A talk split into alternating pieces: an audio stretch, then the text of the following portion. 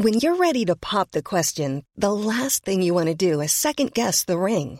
At Bluenile.com, you can design a one of a kind ring with the ease and convenience of shopping online. Choose your diamond and setting. When you find the one, you'll get it delivered right to your door. Go to Bluenile.com and use promo code LISTEN to get $50 off your purchase of $500 or more. That's code LISTEN at Bluenile.com for $50 off your purchase.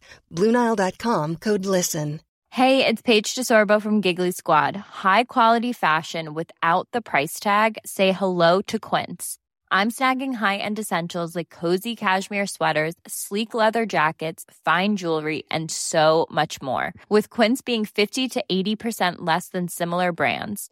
And they partner with factories that prioritize safe, ethical, and responsible manufacturing. I love that. Luxury quality within reach. Go to quince.com slash style to get free shipping and 365 day returns on your next order. Quince.com slash style.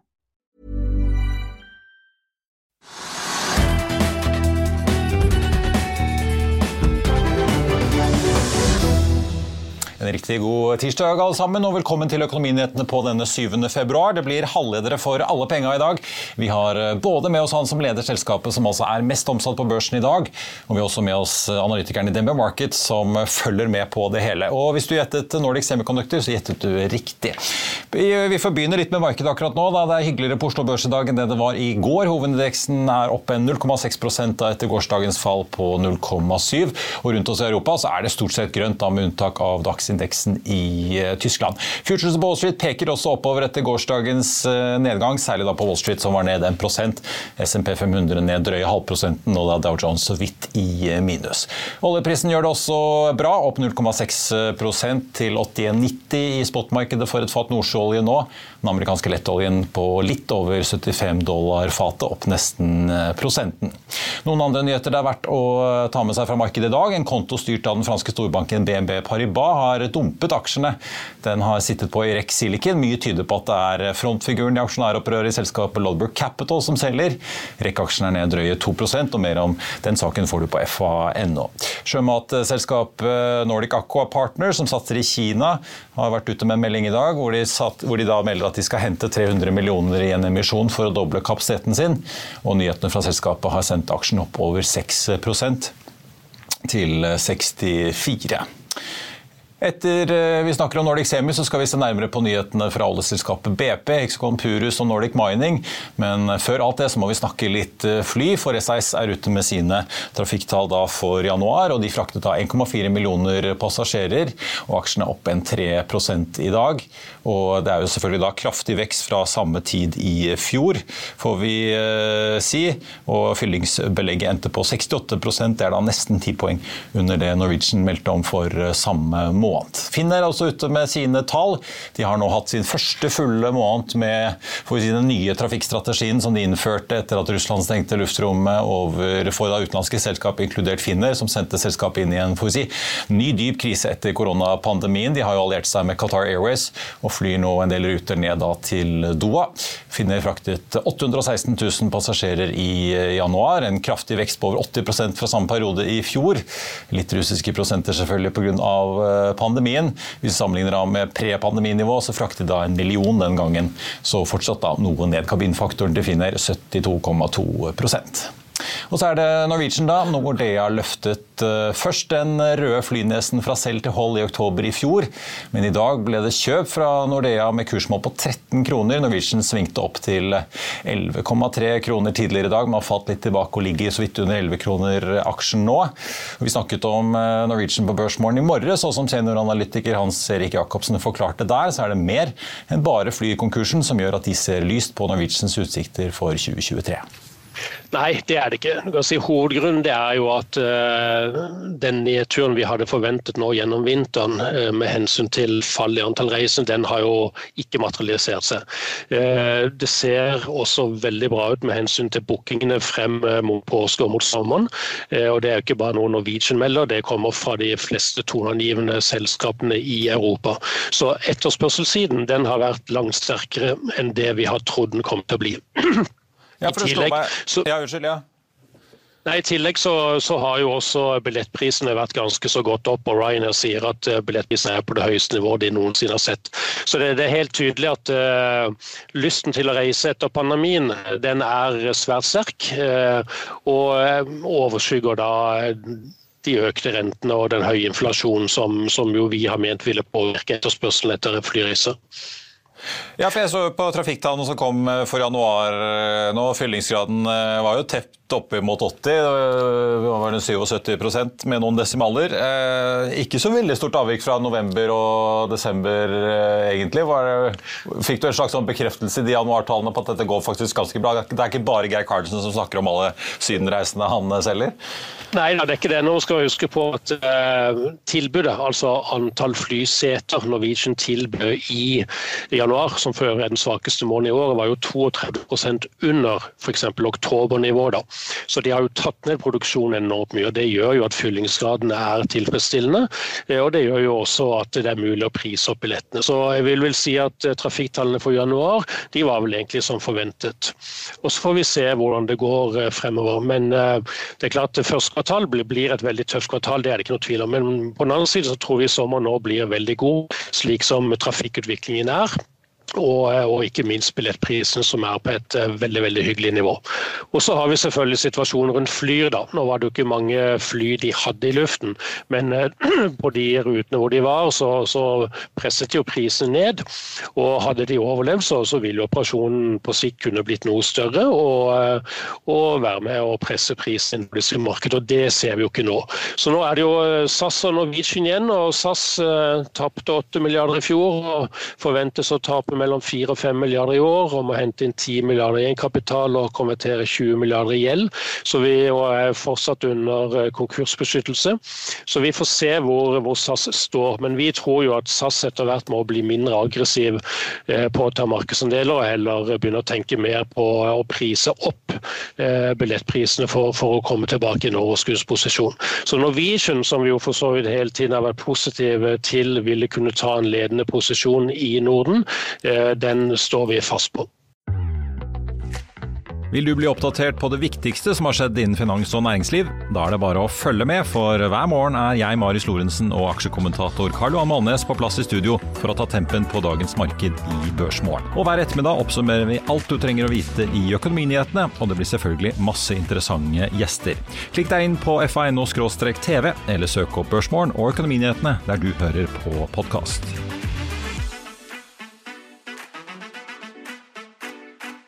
Da skal vi ta inn dagens eh, første gjest, som leder et selskap som eh, får vi si, har opplevd en forrykende vekst over flere år. Og som et norsk selskap har vist at man kan slå seg opp i den globale tech-konkurransen. Men i dag får vi si det ble et skikkelig mageplask på børsen da kvartalsrapporten eh, for fjerde kvartal 2022 kom, med spådommer også for 2023. Og etter å ha vokst med nesten 40% årlig i flere år, er det nå nye tider på gang. Velkommen til oss, Sven Tore Larsen, konsernsjef i Nordic Semiconductor. Takk for det. Du, Aksjen din er ned over 15% i dag. Ble du overrasket over den eh, reaksjonen? Nei, vi var vel forberedt på det når vi så hva slags guidance vi skulle gi for Q1. Eh, forventningen til vårt eh, første kvartal i 2023 var signifikant høyere enn det vi viste nå, med et range på 140-160 millioner. Så det kom, ingen, kom ikke som noen overraskelse for oss. Det gjorde det ikke. Vi har jo sett andre aktører i halvleder- og chip-bransjen eh, varsle om noe av det samme dere varsler om, en oppbremsing i hvert fall nå i første del av 2023. Så er det jo enkelte som Text Instruments som snakker om at de ser en opptakt igjen fra slutten av året. Eh, vurderte dere å sende ut et resultatvarsel tidligere? Eh, vi kunne ikke gjøre det, fordi mye av årsaken til at vi ikke så at det skulle bli såpass eh, på det nivået det ble når vi guidet, er at eh, vi har wafertilgang som er constrained. Og vi har inntil jeg vil si, begynnelsen på februar så har vi mulighet til å konvertere wafere over til produkter som vi kan selge i kvartalet. Altså vi, I første kvartal? Ja. ja. i første kvartal. Får vi ikke de waferne inn tidlig nok i eh, februar, sånn som når det gjelder Q1, så får vi ikke konvertert. Og vi så at vi ikke kunne konvertere wafer. De kom ikke inn til oss på den eh, datoen hvor vi hadde tid til backen, som det heter. Det å ta en wafer, kutte den opp, putte den inn i pakke og gjøre den selvbar som en produkt, det hadde vi ikke tid til i dette kvartalet. Og da måtte vi gå ut med en guiding som ligger under det som markedet forventet, og da blir jo reaksjonen slik som den viser seg i dag. Men dette, Bør man se på dette som noe som er mer en effekt i første kvartal eller starten av 2023, eller er det en syklisk liksom, motbakke for hele industrien og dere også nå, som vil ta lengre tid? Uh, kan ikke, jeg kan ikke snakke for hele industrien. Jeg kan snakke for Nordic. Uh, vi har uh, et, det vi kaller et longtail market. Medium size, smaller, mindre kunder som vi har dessverre måttet nedprioritere over nesten to år.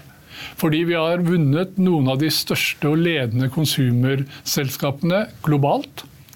Som har laget flere og flere produkter med Nordics Connectivity Ship inni. Vi tror at den kundebasen er det som kommer til å ta oss til Nå snakker jeg kanskje om to milliarder før jeg snakka om milliard, men det er de som skal tas til milliard. De skal tas til to, og skal ta det selskapet til det blir et ledende internasjonalt halvlederselskap. Vi har valgt å supporte disse kundene. Og da har vi fått for få wafere til at du kunne vedlikeholde den medium size small kundebasen vår. Men på meg, for jeg husker jo I fjor så jo, hadde du jo litt det luksusproblemet at det var tilgangen av wafere inn som gjorde at dere ikke fikk laget nok brikker og solgt ut igjen, som holdt omsetningen ja. igjen. Så det var jo nesten for gode tider. Eh, det er det samme i dag. Men for meg virker det nå også som etterspørselen ut mot sluttkunde også bremser, i tillegg til at man sliter med leveransene inn til dere? Det er i noen vertikaler og i noen produkter.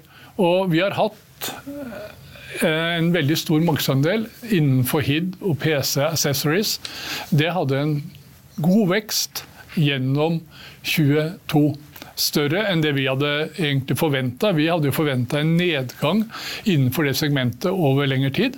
For ideen vår, eller planen vår var å konvertere det over til Bluetooth.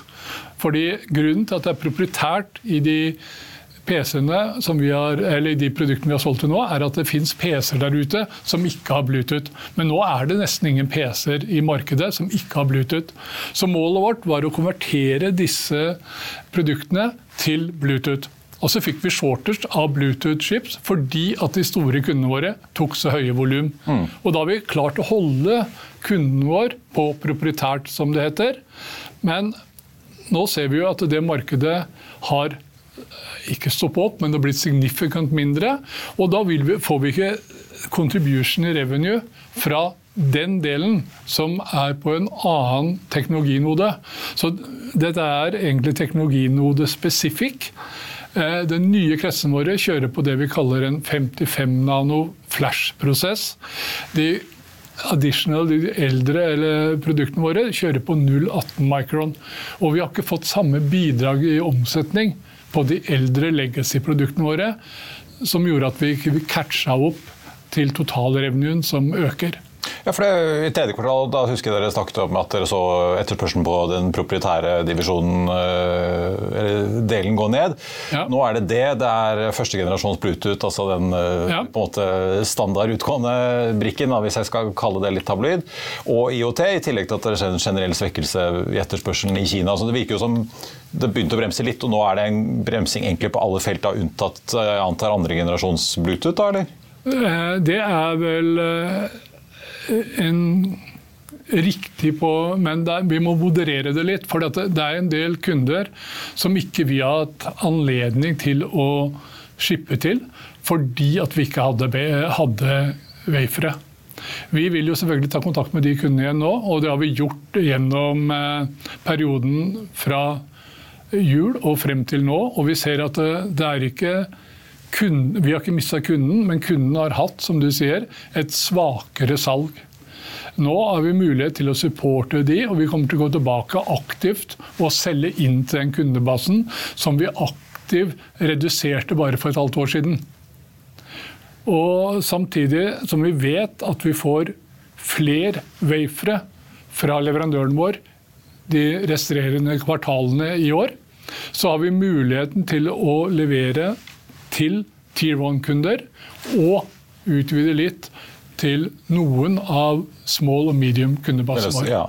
Men, ja, det, men jeg, jeg, lurte på, altså, Hvis du ser ut mot sluttbrukermarkedet, så vet jeg at du ikke vil snakke om bransjen generelt, men vi så jo AMD, altså flere er ganske åpne, og de ser PC-salget ganske mye ned nå ja. i starten av året. Eh, kanskje over 10% i år. Ser dere også en brems i smarttelefonsalget? altså Alle mulige ørepropper og alle mulige andre sånn konsumerelektronikkprodukter som uh... det, det, det, gjør jo markedet, ja. men det er ikke der vi primært gjør vår omsetning. Så det, vi gjør omsetningen vår eh, på IOT-produkter. Det har vært mye klokker, smartklokker, heart rate monitors og slike ting. Og så har det vært eh, Den nye delen nå er innenfor helse. Vi har vunnet en, eh, flere større helseaktører, spesielt innenfor glukose, glukosemetering. Og vi har jo ja, det er jo public at vi har vunnet et selskap som er, som, fra San Diego som er et av de største innenfor glukosemetering. Og det gjør at vi ruter mye kretser den retningen, fordi vi føler at vi gjør et samfunnsengasjement og kan gjøre noe bra for samfunnet. Så helserelaterte applikasjoner støtter vi. De aller største Tier 1 støtter vi 100% Og så har vi fremdeles kunder vi ikke leverer 100% for vi har ikke nok wafere. Nå var det ventet at dere skulle ha en omsetning i år på, eller første kvartal da, på nærmere 200 millioner. Så guider dere da 140-160. Ja. Hvis du tar og ganger det med fire, så ender du på en omsetning på en rundt 600. Da er dere liksom tilbake på, på 2021-nivå. Så sier jo dere at dere forventer en vekst utover året, og at dere skal nå en årstakt på slutten av året på en milliard. Men hvor er det den veksten skal komme fra? Er den det som er sikkert er jo at vi... Da må dere levere en god del vekst for å komme ja, opp i de nivåene? Det må vi, og det kommer vi til å gjøre. Eh, vi får jo færre wafere inn i Q1 enn det vi hadde forventet. Det gjør jo at eh, i og med at vi har en komplett allokering for året, at vi får flere i de tre andre kvartalene gjennom 23. Og vi vet at vi har nye prosjekter fra Tier 1-kunder som trenger større volum framover. Og vi vet også at vi kommer med nye produkter eh, som ikke går på 55 nano flash-prosessen. Mm. Wifi, p-miker. Så for oss så ser vi absolutt at vi er tilbake på en 250 mill. kvartal i løpet av antall år. Ja. Så det er du ganske trygg på da på slutten av året. Ja. ja for dette, dere, dere, sa jo egentlig at dere skulle omsette for en milliard i år. Det skyver dere nå til neste år, sier at dere skal gå ut av året i den takten. Eh, vi sa vel eh, opprinnelig i 2019 så laga vi en plan for å komme til 1 milliard. You should celebrate yourself every day, but some days you should celebrate with jewelry. Whether you want to commemorate an unforgettable moment or just bring some added sparkle to your collection. Blue Nile can offer you expert guidance and a wide assortment of jewelry of the highest quality at the best price. Go to BlueNile.com today and experience the ease and convenience of shopping Blue Nile, the original online jeweler since 1999. That's BlueNile.com. BlueNile.com. I'll see you in court. Vi sier det ofte litt på spøk, men for deg som driver business, er det aldri moro å innse at du ikke har laget en 100% gyldig kontrakt. Du bør ikke risikere hele firmaet ditt fordi du synes dette med kontrakter er litt stress. En avtale er ikke en avtale. Du kan miste kunder, miste venner, ja, til og med miste inntekter om du ikke lager en skikkelig kontrakt, på alt mulig, egentlig.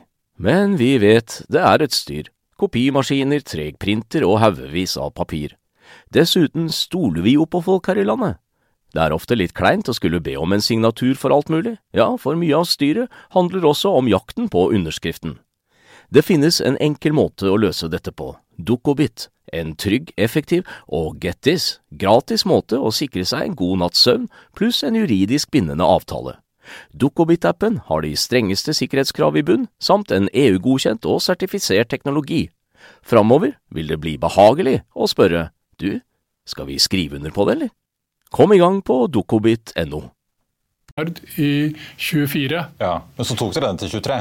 Ja, det ja. gjorde vi fordi vi så alle designvinnene våre og alle aktivitetene vi hadde.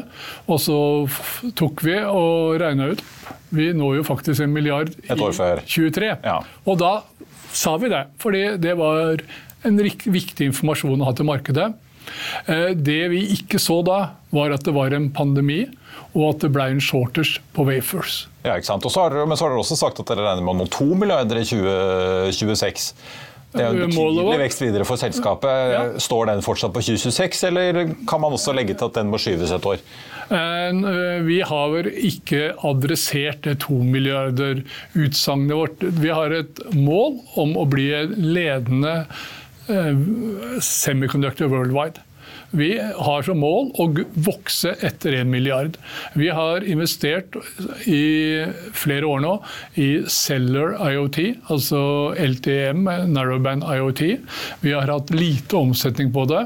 Dette er et eh, segment som alle de store selskapene som Cisco og Ericsson eh, forventer eh, billions of noder med. Vi har brukt kanskje verdens ledende utviklingsteam. Det er teamet som har laga modem for Nokia i tiår. Som har sittet og designa våre modem. Vi har kommet på et stadie nå hvor vi har den ledende løsningen på Cellular IoT. Og markedet begynner å bli mer modent. Mm. Det markedet her var forhindra litt pga. covid. Fordi du må jo fysisk sette opp 5G basestasjoner. Det var nesten stopp på det i to år. Nå ser vi at de største operatørene i USA ruller ut 5G basestasjoner, og våre kunder kan nå connecte til basestasjoner med våre modem. Så det blir en litt ny verden. Blir det mye smarte søppelspann eh, fremover, holdt jeg på å si. Mm -hmm. si fra når det er fulle. Eh, kort til slutt, eh, Hvis man ser litt på marginene deres, så ser det jo ut som de er på vei ned. I hvert fall hvis du dømmer fjerde kvartal ut fra hele 2022, for det, da lå de lavere. Ja. Er marginen under press nå, eller er det en kortvarig effekt? Det er eh, en effekt av at vi får større kunder med høyere volum. Og mekanismen i halvlederindustrien er at til høyere volum du får, til bedre prising har du. Og i og med at vi da har konsentrert kundebasen vår om de som vi tror kommer til å vokse mest de neste årene, så vil vi skippe kretser med lavere marginer enn det vi har til små og mellomstore industrier. Og vi sier også at vi guider for større enn 52% gjennom året. Svein Tore Larsen, konsernsjef i Nordic Semiconductor. Takk for at du tar deg tid til å komme innom eh, på en dag eh, hvor selskapet i hvert fall er i vinden, får vi si. Da er vi tilbake med Kristoffer Wang Bjørnsen, analytiker i DNB Markets. Kristoffer, takk for at du er med oss på det, det, som jeg vil tro er en hektisk dag for deg også. Nordic Semi er også den mest omsatte aksjen på Oslo Børs ned hårs, en hårsbredd unna nå 20% i minus. Hvor ille er det som egentlig kom i dag? Nei, altså Det er jo ille når, når guiden og alt som kommer så langt under det som var, uh, var ventet. Men vi finner jo alltid komfort i når situasjonen er drevet mer av ting som er utenfor selskapets kontroll, som ikke er relatert til konkurransedyktighet osv., og, så og at det er mer, kall det, kortsiktige ting som egentlig ikke påvirker den fundamentale langsiktige verdien av selskapet. Da. Så man prøver på en måte å minne seg selv litt på det på, på dager som dette, ikke, miste, ikke miste helt hodet. da. Ja, for det, altså, Du har jo hatt en kjøpsanbefaling 2,30 på denne aksjen. og der jo, Rundt der har jo veldig mange ligget. Nå er vi jo på en eh, under 100, 140 kroner. På det meste var den jo over 300. Eh, er det, er det, bare fordi at sektoren faller, eller har Nordic Semi noe skyld i dette her eh, selv? Nei, du kan jo si, altså, Det er jo litt sånn som selskapet selv er inne på også. At De har jo endt opp i en situasjon som er uheldig, hvor, hvor de konkurrerer med mye større selskaper. Ikke bare om kundene, men om tilgangen på wafers fra TSMC. Og så er de på samme produksjonslinje som, som, uh, som bilsektoren, ikke sant? automotive. Og, og, de har jo en del politisk medvind hvor, uh, som gjør at TSMC må prioritere, prioritere de. og så fikk du vel allerede noen tegn da nå de siste ukene fra reportingen til uh, disse konkurrentene som NXP og Infinity og ST Microelectronics og sånn at uh, automotive kom til å fortsette å være sterkt, i hvert fall i Q1, kanskje også og Q2, og noen tar hele året også. og Og da Uavhengig av hva selskapet gjør, så, så blir det jo mindre wafers tilgjengelig for Nordic. og sånn som Tore var inne på her, hvis jeg hørte han riktig, så gjør jo det at det da f.eks. blir mye tøffere enn det de hadde trodd i, i, i Q1. da. Nå hørte vi jo eh, hva Sve Tore Larsen sa om hvorfor de ikke kunne gå ut med et resultatvarsel. i hvert fall sånn de vurderte det, Men når du har sett hva de andre aktørene i bransjen som du nevner noen av dem, har, har kommet med, eh, hvorfor så, så, på en måte ikke markedet og, og, analytikere og investorer dette før, og at man blir så overrasket at man sender aksjen så kraftig ned? Nei, det er jo vanskelig å, vanskelig å si hva alle hadde som forventninger og, og, og sånt, da, men øh, akkurat det med planen TSMC har for allokeringer til Nordic fra kvartal til kvartal, den er det i hvert fall har vi skjønt etter over tid at eh, det er veldig få som har, veldig få som har eh, innsikt i. Vi bruker jo kanskje nesten altfor mye tid på å prøve å forstå akkurat den, eh, den fordelingen mellom forskjellige kunder av TSMC på 55 nanometer flash-noden.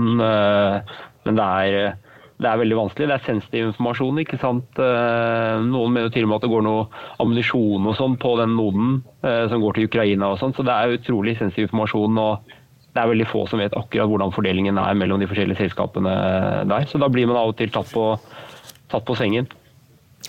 Du, til slutt må jeg høre deg litt om, om disse fremtidsplanene. En ting er at dette milliardmålet nå øh, først var i 24, så 23, nå har det skjøvet til 24 igjen. Øh, og så har de jo da en langsiktig plan om å nå to milliarder. Samtidig så pågår det jo store endringer i industrien. Mange av aktørene bygger nå fabrikker i USA. Øh, hvordan påvirker det Nordic Semi, sånn som du vurderer det? Nei, altså Nordic også har jo planer om å, å, ikke bare være basert eller ha produksjonen basert i, i Taiwan. ikke sant? Så, som vi forstår Det da, det, blir litt spekulasjon fra vår side, men som vi forstår det, så, så er mye av den nye kapasiteten som kommer inn i spill i 2024 for Nordic og, og, og videre, den, den kommer jo da f.eks. i land som, som Tyskland med, med, nye partnere som, som gjør at uh, man blir litt mindre avhengig av, uh, av Taiwan. Men vårt view på akkurat den situasjonen der er jo også litt sånn at jeg tror liksom ikke du kommer deg unna Taiwan med det første uansett. Uavhengig om du er Nordic eller om du er et hvilket som helst annet selskap som har fysiske produkter, så har du på en måte ikke så mye å si om, om Nordic flytter til Tyskland. fordi det kommer til å være en eller annen chip i det sluttproduktet som kommer fra Taiwan uh, uansett, ikke sant. Um, så akkurat det der med at vi er liksom et, uh, vi er et uh, en globalt marked hvor vi er veldig avhengig av Kina og Taiwan uansett hva, hva de forskjellige enkeltselskapene gjør, ikke sant. Selv om holdt jeg på å si, Joe Biden står i Nevada eller, vel, eller Arizona og åpner nye fabrikker. Ja, ikke sant? Fordi, jo, ikke sant? Fordi bare veldig kort da, ikke sant? Fordi du, liksom, du ser jo sant? Apple sine produkter er jo uansett hvor hardt de jobber med å komme seg ut av den situasjonen, så er det så mye produkter som blir satt sammen. De blir produsert i Kina, og, nei, Taiwan og satt sammen i Kina. så hvis det der blir et problem, så går jo på en måte, da går det ad undas med Apple også. ikke sant? Og da har, jo på en måte, da har vi større problemer. Til slutt, Jeg tittet inne på estimatene på hele analytikerstanden bare på, på eh, Blueberg-terminalen her i, i, sted. Eh, altså, Estimatene for førstekvartalsinntektene må jo ned med en 25-30% fort på den guidingen de kommer med nå. for det, Estimatene var jo litt over 200 millioner. Årsestimatet var at Nordic skulle nå en omsetning på nesten en milliard eh, i år. Hvor mye ned tror du estimatene må for året nå? da? Må vi like mye ned som ja. Q1-guidingen, eller hva? Jeg tror det, Vi lå jo faktisk en del under konsensus eh, for, for hele året, men jeg tror nok eh, altså Det er vanskelig å forskuttere sånn akkurat hva det skal ned, men at det skal ned eh, inntjeningsestimatene skal ned over 20% for inneværende år. Det kan, nok, eh, det kan, nok, godt være. Men jeg tror det er veldig sånn avslutningsvis viktig å huske at dette er jo en mulighet til å komme seg inn i en langsiktig story. ikke sant? Som Tore var inne på i sted, De har vunnet nye kunder, hvor en eksempel er Dexcom. Dexcom kommer til å gjøre 200 millioner dollar for Nordic alene om noen år, som er tilsvarende det de skulle hatt i ett kvartal for hele selskapet nå.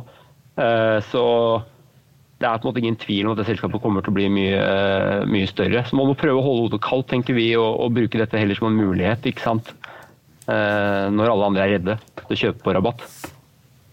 Rabatt er det i hvert fall hvis vi ser på prosentsatsene i børsterminalen i dag. Kristoffer Wang Bjørnsen i DNB Markets, tusen takk for at du var eh, med oss. Har du ønsker om aksjer vi skal analysere eller gjester vi skal invitere, send en e-post til tvtips at finansavisen.no. På tampen eh, må jeg være innom noen andre nyheter som vi ikke har helt rukket å kaste oss eh, over. Vi har jo fått tall fra da gruveselskapet Nordic Mining. De halverte tapene på driften i fjerde kvartal. Doblet likevel da tapet på bunnlinjen.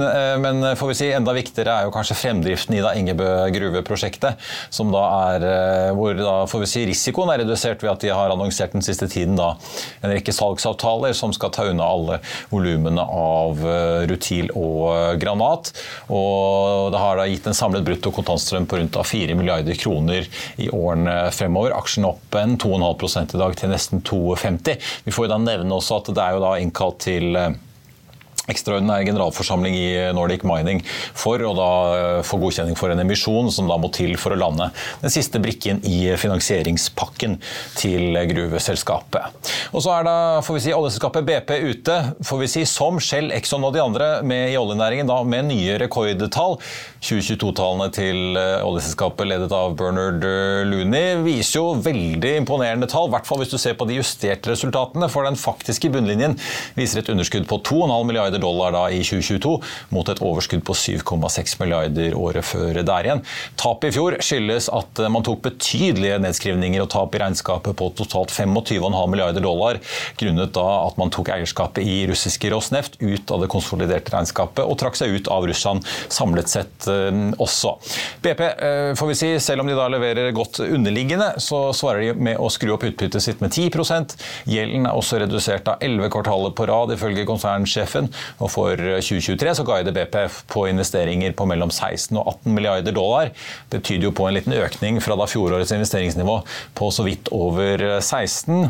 Og Energikjempen annonserer også planer om å kjøpe tilbake egne aksjer for 2,75 milliarder dollar de neste tre månedene, etter å ha kjøpt tilbake aksjer for 11,7 milliarder dollar da i 2022. Så var det vel Chevron som tok kaken eh, så langt i år med tilbakekjøpsprogrammet sitt på 75 milliarder dollar. Det er riktignok da fordelt over noe noen års tid. Og så er det jo selvfølgelig sånn at Equinor eh, kommer med sine kvartalstall og kapitalmarkedsdag i London i morgen.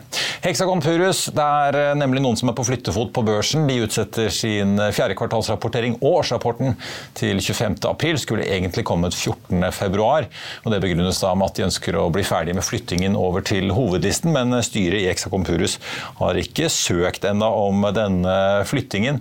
De sier at det avhenger av markedsforholdene, eller de tar for forbehold om det. Aksjen er ned en 4,3% i dag. Det kom også noen Q4-oppdateringer fra Hexagon Purus gitt av forsinkelsen på rapporteringen. Kontantstrømmen eh, fra drift i fjor endte på minus 340 millioner, og det kuttet da kontantbeholdningen ned til 380 millioner ved årsslutt. Selskapet guider på en inntektsvekst på minst 50% i år, mot da minst 75% på guidingen for fjoråret. Og selskapet venter også at eh, underskuddet på driften vil vil øke med rundt 10% i det nye året, til altså rundt 450 millioner i minus på EBIT1. Så får vi legge til at selv om det altså vokser med 10% i år, så er det langt lavere enn veksten i fjor på 50% som man guidet på. Ellers på Oslo Børs, Norwegian ned nesten 3% De var jo opp da ved starten av børsdagen i dag, etter at Nordea altså oppgraderte til kjøp med et kursmål på 13 kroner. Nå ligger Norwegian på 10,70 85. Ellers så er Skatek ned litt over 3 De er da ute og har annonsert at de ønsker å hente en eh, milliard i obligasjonsmarkedet. SAS tikker opp over 0,7 etter deres eh, trafikktall. Ellers på Oslo Børs så ligger da Nordic Semi ned 19% som den mest omsatte aksjen. Godt over Equinor, Frontline og Aker BP som følger etter på listen. Alle de er opp. Equinor og Aker BP ja, Equinor opp 1,6, Aker BP 0,9. Frontline eh, ligger opp 3,4 etterfulgt av Norsk Hydro og DNB DNB. Hydro opp litt over 2 og DNB 0,75. I Finansavisen i morgen kan du i tillegg til Trygve Egnars leder lese børsintervju med danske bankanalytiker Wilhelm Dahl Røe, som tror høye laksepriser vil oppveie for den negative effekten på bunnlinjen av den kommende lakseskatten. Så blir det mer om at Philips-kurven leverer for de som er dypt inne i makroøkonomiens verden. Og så blir det mer om krisetall fra tysk industri og hva konsulentselskapet Bain ser skje i M&A-markedet her i Norden. Og Det var det vi hadde for deg i dag. Husk at vi er tilbake igjen med Børsmorgen 08.55 i morgen, og deretter med Økonominyhetene 14.30. Og Det blir stort fokus på kvartalsesongen, som ruller videre for fullt. Vi skal gi deg hele oversikten over hva Norges største selskap Equinor kommer med når de altså sparker i gang kapitalmarkedsdagen sin i London i morgen. I tillegg så kommer det tall fra selskaper som Aker Solutions, Elkem, Instabank, Veidekke, XXL, Valenius Wilhelmsen, ABG, Yara, 2020 Bulkers, Oddfjell og mange, mange flere. Listen er lang, dere, så det blir masse om det i sendingene i morgen, og selvfølgelig på fa.no. Mitt navn er eh, Marius Lorentzen. Tusen takk for at du så eller hørte på. Og så håper jeg vi ses igjen i morgen fra London. Hei så lenge.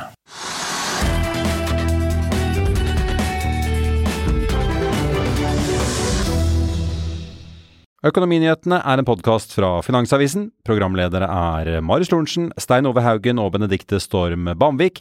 Produsenter er Lars Brenden Skram og Bashar Johar. Og ansvarlig redaktør er Trygve Hegnar.